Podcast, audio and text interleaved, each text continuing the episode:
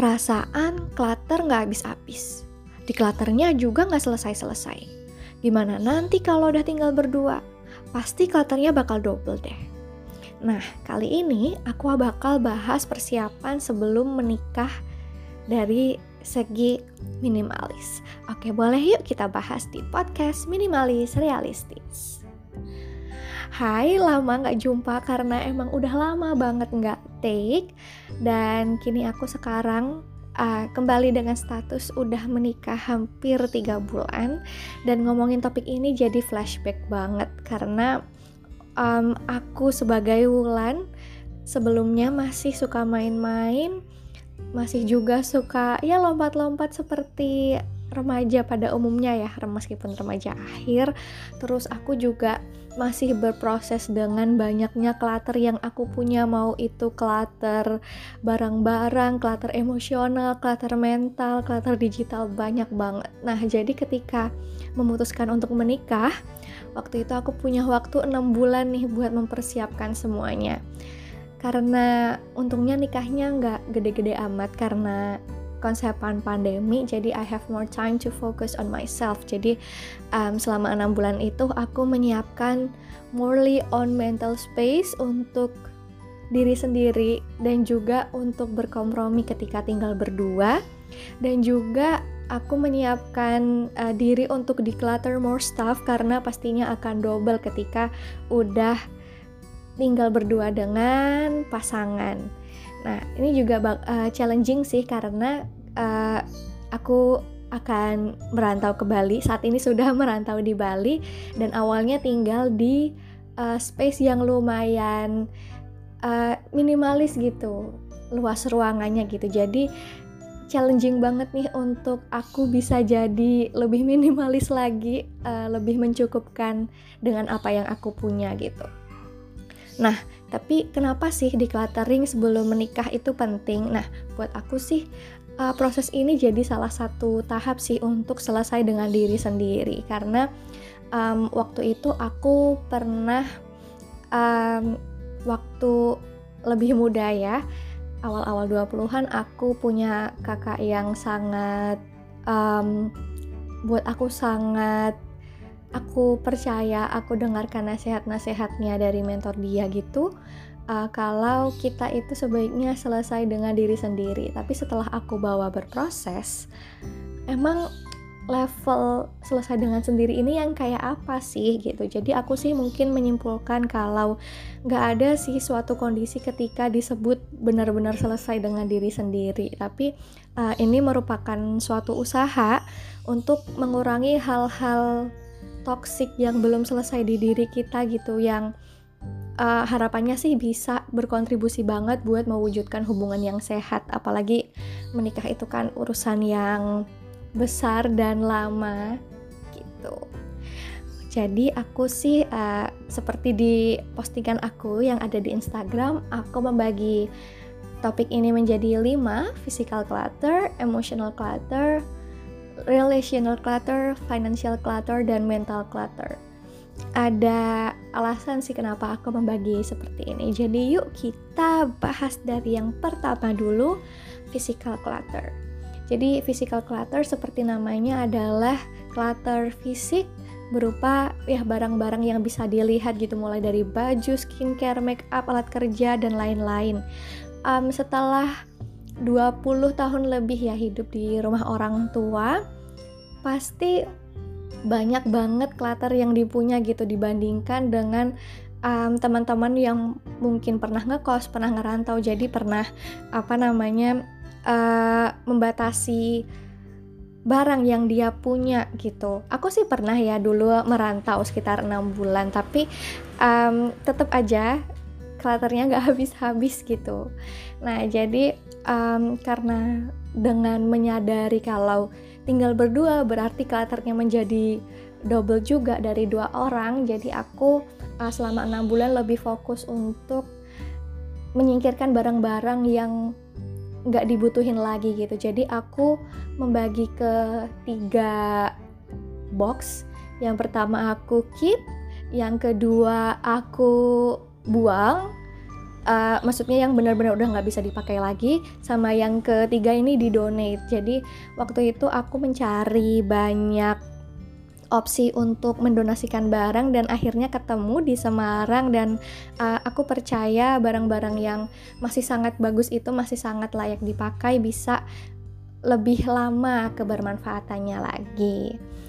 Tuh jadi untuk physical clutter um, iya sih kadang masih agak sayang aduh ini barang banyak kenangannya gitu. Tapi enam bulan mungkin waktu yang cukup panjang maupun cukup singkat gitu untuk memproses semuanya. Oke itu physical clutter yang mana setiap orang punya um, ini ya standar masing-masing gitu seberapa cukup seberapa banyak yang cukup gitu. Lalu untuk yang kedua emotional clutter gitu.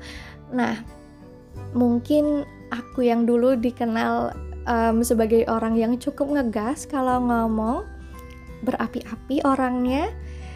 Dan waktu itu juga terjadi tuh uh, teman aku ada yang bilang uh, kalau misalnya sebelum nikah tuh banyak banget godaannya. Entah yang uh, tiba-tiba kayak pengen kerja lagi pengen kerja lebih terus juga uh, komentar-komentar usil terus ada juga yang uh, godaan mantan balik gitu ya. Pokoknya kata temanku ini yang udah menikah banyak godaannya. Nah waktu itu aku godaannya tuh lebih ke masih pengen ambis gitu yang mana kayak um, harusnya mulai aku atur lagi karena aku bakal uh, pindah gitu uh, merantau dan um, aku harus memikirkan lagi nih um, karir aku seperti apa gitu. Jadi um, aku berusaha untuk lebih mengenal diriku sendiri gimana aku ingin ke depannya yang benar-benar tanpa distraksi. Dari Instagram misalnya ngelihat orang yang lebih sukses kelihatannya yang mungkin aku masih sering kepengen ikut-ikutan gitu. Nah itu yang harus um, mulai dikurangi dipertimbangkan lagi apa yang penting dan yang nggak penting untuk dipikir. Terus yang ketiga ada relational clutter. Nah karena menikah itu juga bakal jadi uh, momen dua keluarga itu bersatu ya. Jadi keluarganya nambah yang artinya akan ba lebih banyak nama uh, dan lebih banyak orang untuk di engage jadi um, uh, sebagai yang mungkin seemingly introvert, aku juga menyiapkan mental space untuk relational clutter ini dengan uh, lebih ke ini sih melis membuat daftar orang-orang yang memang berarti buat aku yang mana aku menjadi akhirnya tidak fokus kepada orang-orang yang mungkin um, akan berakibat toksik di aku. Ini sangat subjektif, tapi um, kita tuh di dunia kan berhubungan dengan banyak sekali orang dan uh, kuantitas itu kan uh, banyak ya.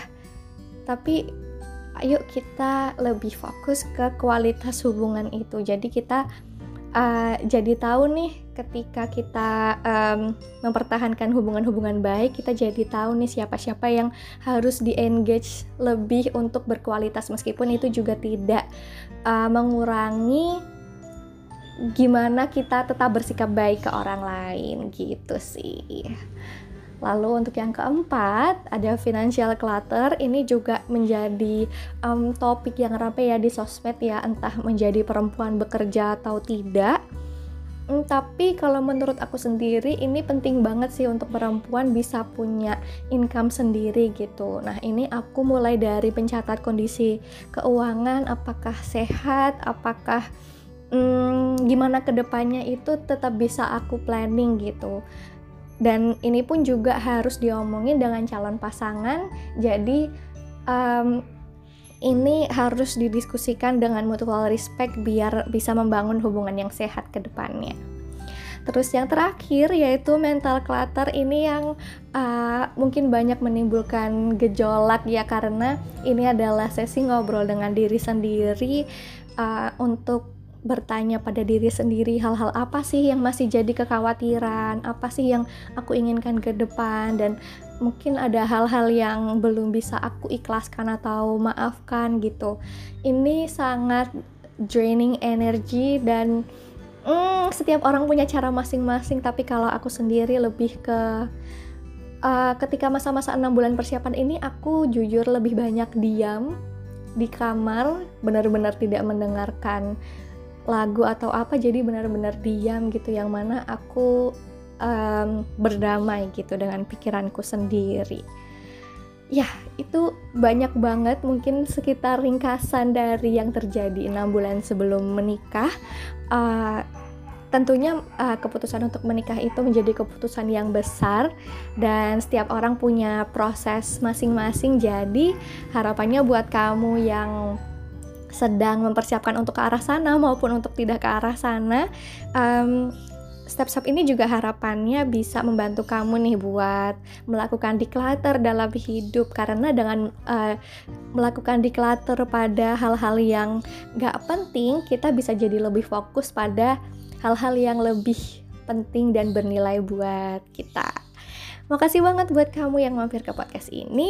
I really appreciate it and I hope that we can wake up loving every day. See you on next episode. Semoga aku tetap rajin untuk mengunggah episode podcast. Bye.